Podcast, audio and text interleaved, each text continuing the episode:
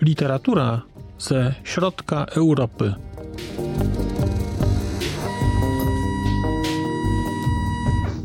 Podcast około książkowy. Dzień dobry, przed mikrofonem Marcin Piotrowski, podcast około książkowy Znak Litera Człowiek, odcinek kolejny.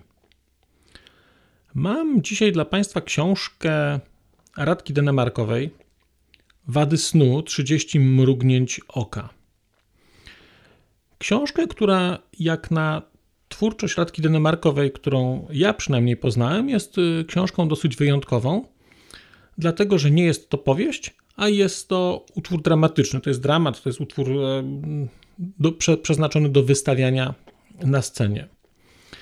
Y, dramat, czy sztuka, która została napisana w roku 2012, wydana kilka lat później e, w Polsce przez wydawnictwo książkowe Klimaty i jest to książka w przekładzie mm, polskiej tłumaczki Radki Denemarkowej, czyli Olgi Czernikow.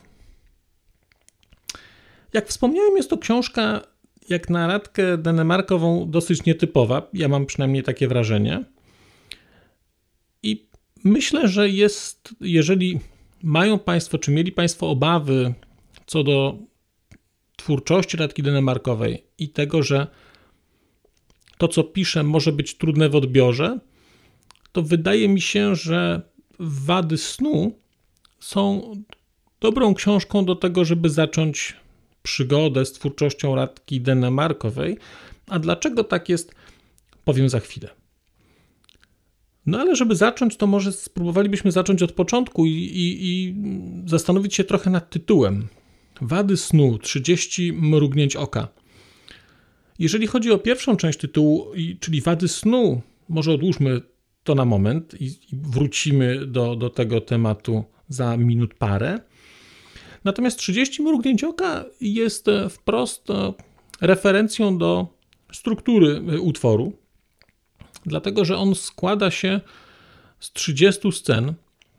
Każda ze scen to jest mrugnięcie oka, oka przez duże O. I tak naprawdę ten utwór, nieduży objętościowo, to jest 30 mikro, mini dialogów głównych bohaterek.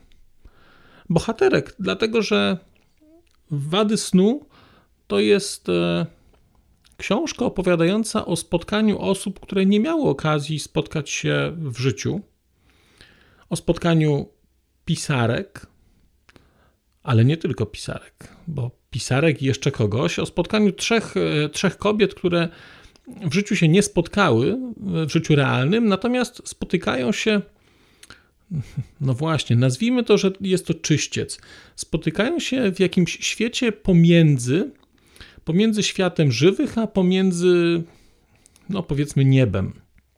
Spotykają się w czymś, co mi gdzieś kojarzyło się z tym Bardo, z, z powieści Lincoln w Bardo, w takim, w takim świecie e, pomiędzy i one czekają, są w takim stanie zawieszenia. Wiemy z ich rozmów, że w tym świecie pojawia się, pojawiają się też inne osoby i one przychodzą i lada chwilę odchodzą, dlatego że ten świat jest tylko taką poczekalnią. Natomiast bohaterki tutaj utkwiły na dłużej z tych rozmów, e, tak możemy wy, wywnioskować, i mają do zrealizowania pewną, nazwijmy to, misję. No ale żeby pójść dalej, to trzeba powiedzieć, kim są te bohaterki. Tak naprawdę mamy tutaj tylko trzy osoby, chociaż w, w, trakcie rozmów, w trakcie dialogów pojawiają się odniesienia też do innych osób, ale, ale mamy trzy bohaterki mm, i jest to, są nimi Sylwia Plath, jest Virginia Woolf i jest nieco później już e, Iwana Trump. Tak, tak jest, Iwana Trump. I te trzy osoby, a właściwie przez e, mniej więcej dwie trzecie e, utworu, mm, dwie, bo to jest Sylwia Plath i, i Virginia Woolf, utknęły w, tym, w tej przestrzeni prowadzą rozmowy ze sobą, prowadzą ze sobą rozmowy. Starają się tam w jakiś sposób żyć, starają się doprowadzić do sytuacji, żeby mogły przejść dalej. A będą mogły przejść dalej, jeżeli zużyją, tak można byłoby powiedzieć, wszystkie słowa, które w ciągu swojego życia napisały. To też będąc w, tej, w tym limbo, w tej przestrzeni, w tym e, świecie bez e, granic, starają się te swoje słowa zużyć, zutylizować, coś z nimi zrobić. I tak naprawdę wokół tego kręci się ta e, cała akcja tej sztuki. Dlatego, że te poszczególne słowa czy fragmenty z ich, z ich twórczości, które gdzieś tam się pojawiają, są przyczynkiem do tego, żeby one ze sobą rozmawiały, żeby rozmawiały o rzeczach e, różnych, o rzeczach istotnych, dlatego że tak naprawdę ta rozmowa i to oczekiwanie to jest e, jedyne, mm, co im pozostaje. Jak, co jest e, mm, cechą wspólną Sylwii Plath i Virginia Woolf, no to zostawiam to Państwu do, do, do, do odnalezienia. Y, warto też w tym miejscu powiedzieć, że wbrew obawom początkowym moim na przykład, nie jest tak, że żeby czytać Wady snu, trzeba dobrze znać twórczość Virginia Woolf czy Sylvie Plath. O Iwanie Trump nie wspominam akurat tutaj. Natomiast y, jeżeli mają Państwo bardzo ogólną wiedzę na temat życia mm, tych, e, tych pisarek, to będzie to w zupełności wystarczające, dlatego że taki ogólny kod kulturowy związany z Sylwią Plath i z Virginia Woolf jest wystarczający, żeby się w tej sztuce dosyć dobrze odnaleźć, aczkolwiek oczywiście podróże kształcą głównie ludzi wykształconych, więc im więcej się wie, tym więcej tych kodów, które, mm, które Radka Denemarkowa e, w tym dramacie zaszyła, będzie do odnalezienia i tym to czytanie będzie, będzie pełniejsze. Natomiast można tę książkę czytać, e, czy tę sztukę czytać na takim absolutnie podstawowym poziomie wiedzy kulturowej, który będzie w zupełności wystarczający do tego, żeby, mm, żeby sobie ją e, w jakiś sposób odebrać. Cóż, te, o, czym te, o czym te pisarki ze sobą rozmawiają, o czym rozmawia Sylwia Plath i Virginia Woolf? To są fascynujące rozmowy. To są rozmowy o życiu, to są rozmowy o śmierci, to są rozmowy o miłości, to są rozmowy o relacjach, relacjach damsko-męskich, relacjach damsko-damskich, o rolach społecznych, o powinnościach całe spektrum mm, takich y, rzeczy, które wydarzają się na styku życia i sztuki, życia i literatury, ale takiego bardzo brutalnego, realnego życia. Tego, że ktoś osiąga sukces, a ktoś się na ten sukces poświęca, że ktoś pracuje w taki sposób, a ktoś pracuje w inny sposób. To wszystko oczywiście ma wprost odniesienia do do życia e, obu e, tych postaci. Więc tutaj im więcej się wie, tym łatwiej jest e, pewien kontekst kulturowy mm, znaleźć. Natomiast nie jest tak, żeby te rozważania były rozważaniami, które przynależą tylko do tych postaci.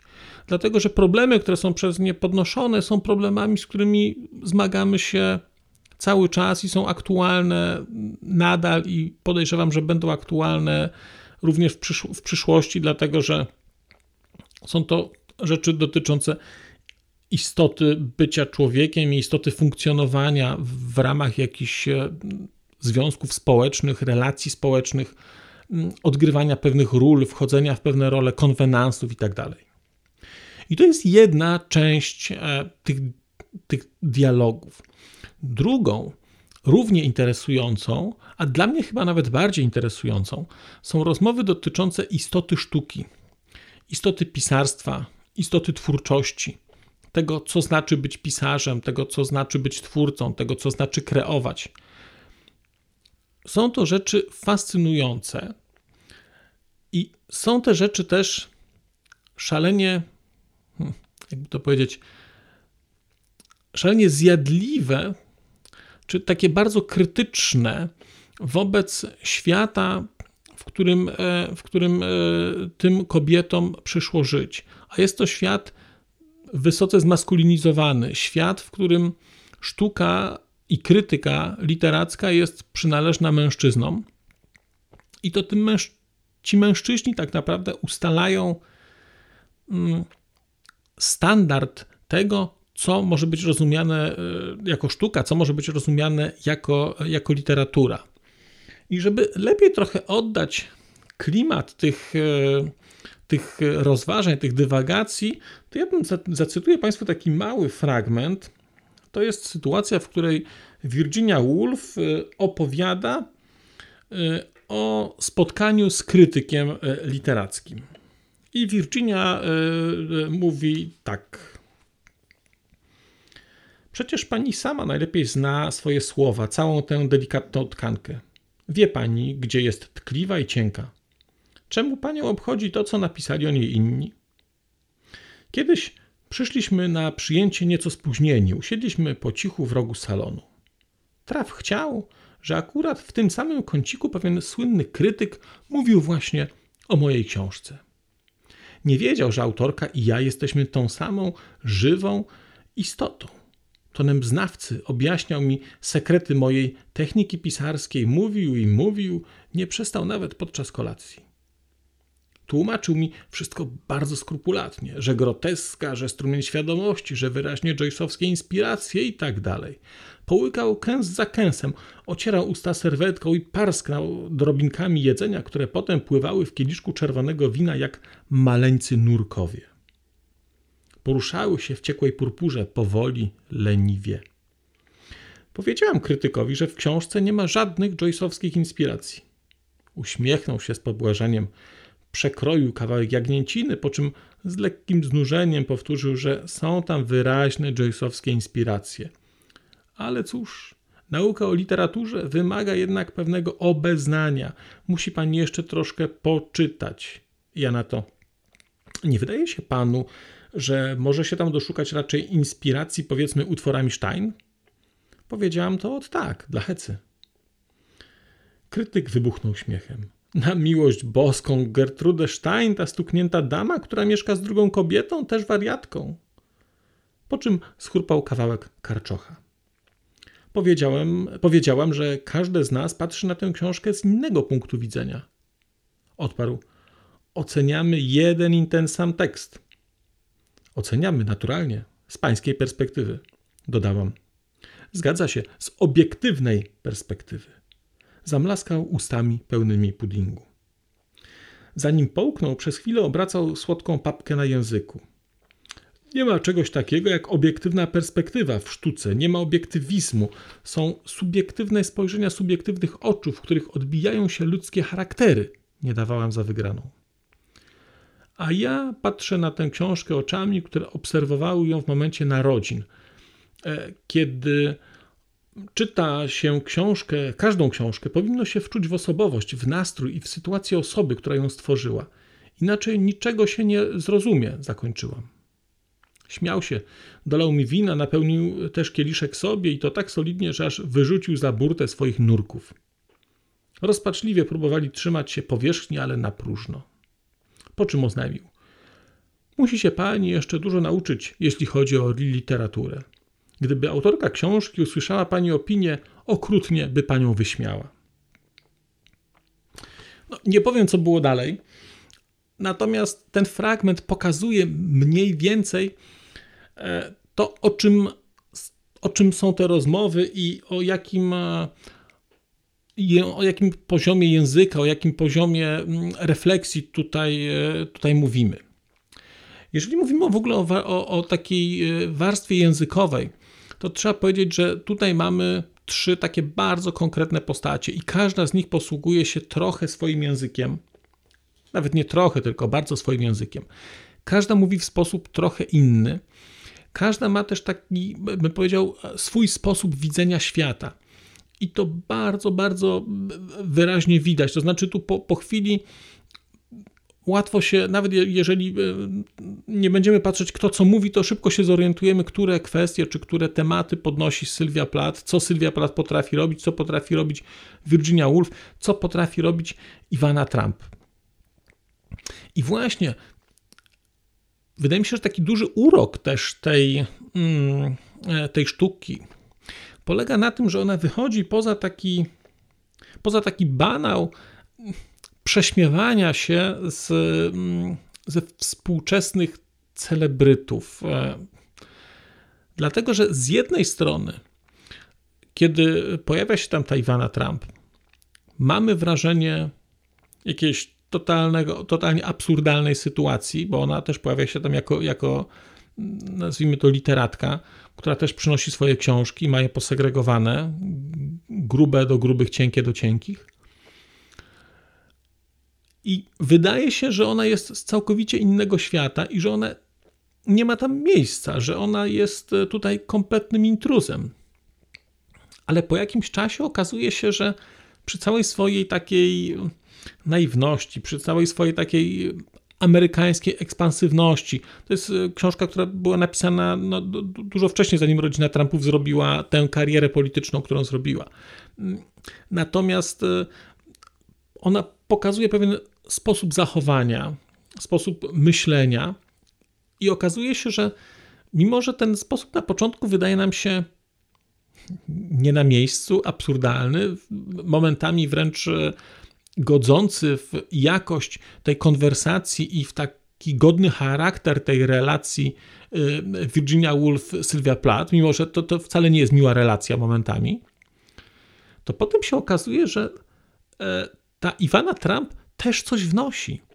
I ona też coś wnosi i pozwala e, tym e, bohaterkom na zrobienie czegoś, wprowadza nowy rodzaj narracji, wprowadza inny sposób widzenia świata, który te, nazwijmy to, intelektualistki czy, mm, czy twórczynie bardzo wrażliwe, ale sprzed 100 lat, przestawia trochę do rzeczywistości.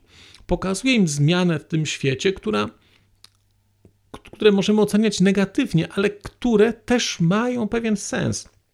I takie, taki wątek pokazania tego, że w ramach sytuacji, w których się, z którymi się w życiu mierzymy, różne osoby mogą wnieść różne rzeczy i nawet rzeczy, które wydają się pozornie nieistotne i które są pozornie nieadekwatne, mogą znaleźć miejsce też e, w tym takim, nie wiem, nazwijmy to większym planie, ale mówię o tym planie takim, no nie, nie, na, nie, nie w rozumieniu jakiejś sytuacji boskości, tylko takim, że no, da, się te rzeczy, da się te rzeczy gdzieś wykorzystać i nigdy nie wiemy, do czego ktoś nas zainspiruje, do czego ktoś nas popchnie, do czego będzie dla nas e, jakąś e, zachętą.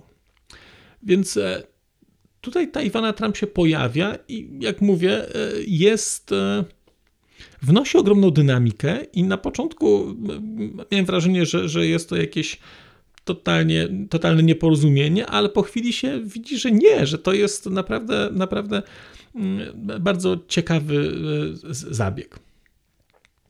W ogóle na poziomie takim koncepcyjnym, e, takim imaginacyjnym, e, ta sztuka jest, jest fantastyczna.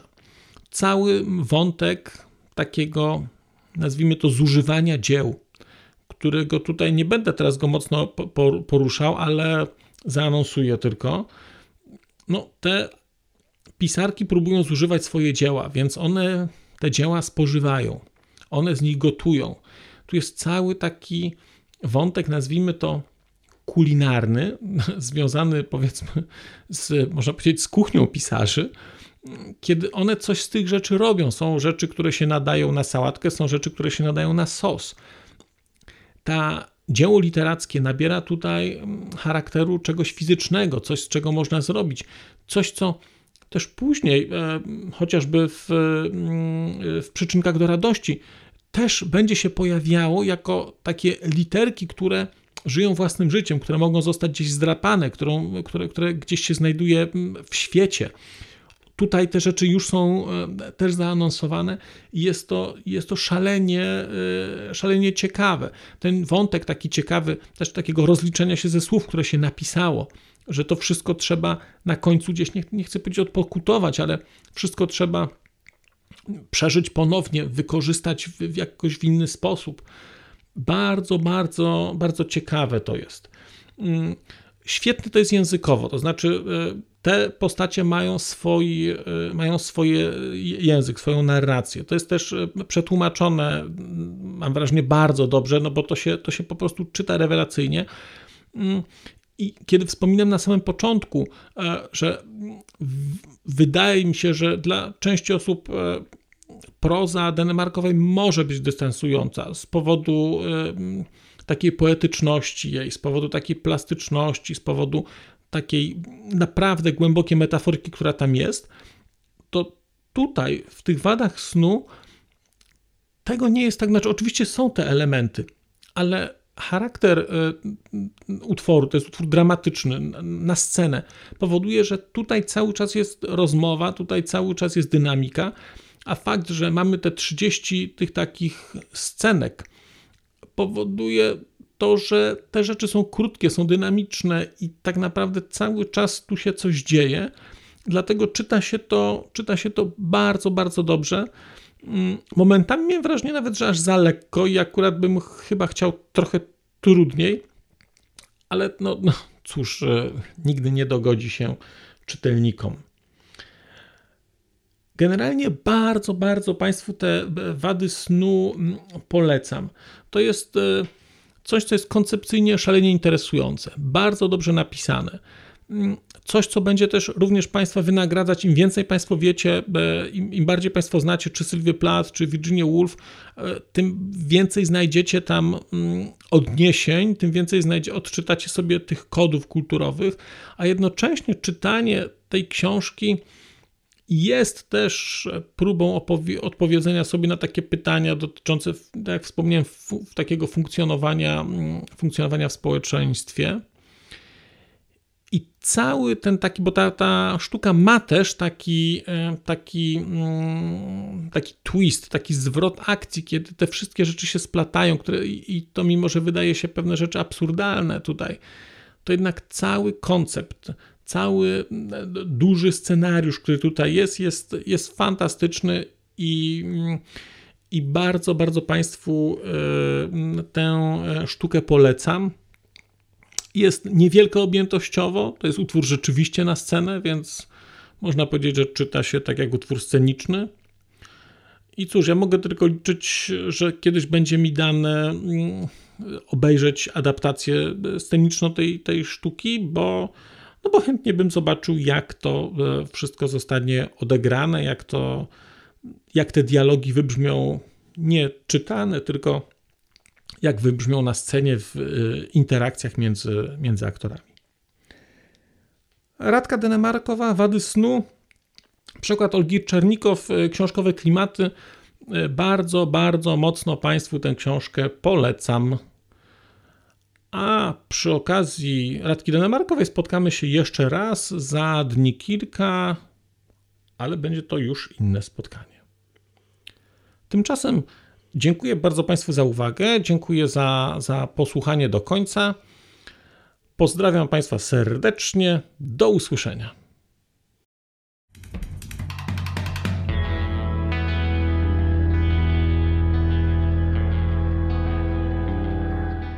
Bardzo dziękuję Państwu za wysłuchanie tego odcinka, bo skoro jesteście w tym momencie, to znaczy, że wysłuchaliście go do samego końca.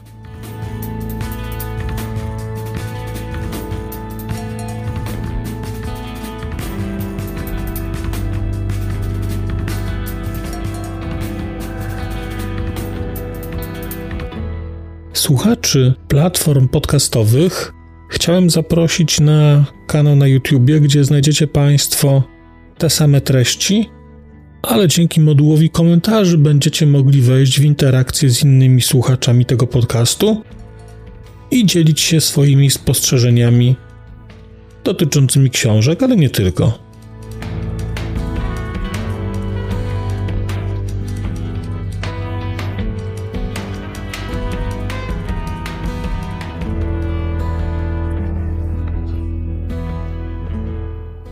Oprawa muzyczna tego odcinka została zrealizowana na bazie muzyki słowackiego zespołu Longital.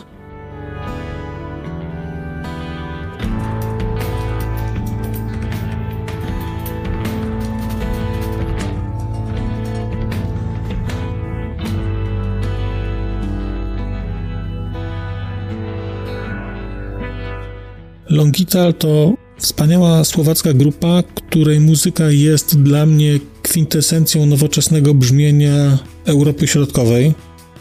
Bardzo Państwa zachęcam do posłuchania tego zespołu i chciałem podziękować Shinie i Danielowi, że zgodzili się na wykorzystanie ich muzyki w moim podcaście.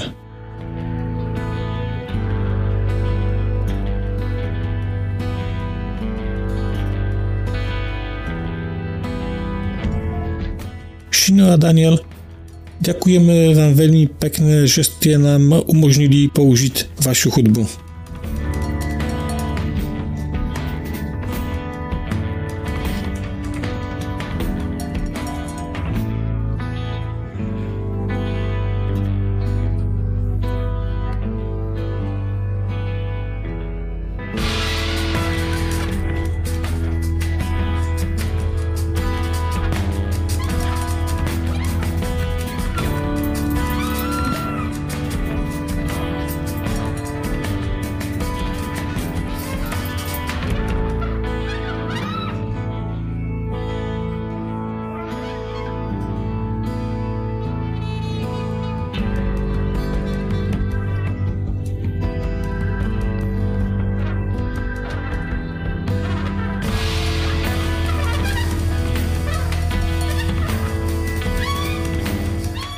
No i to jest naprawdę wszystko. Dziękuję i do usłyszenia.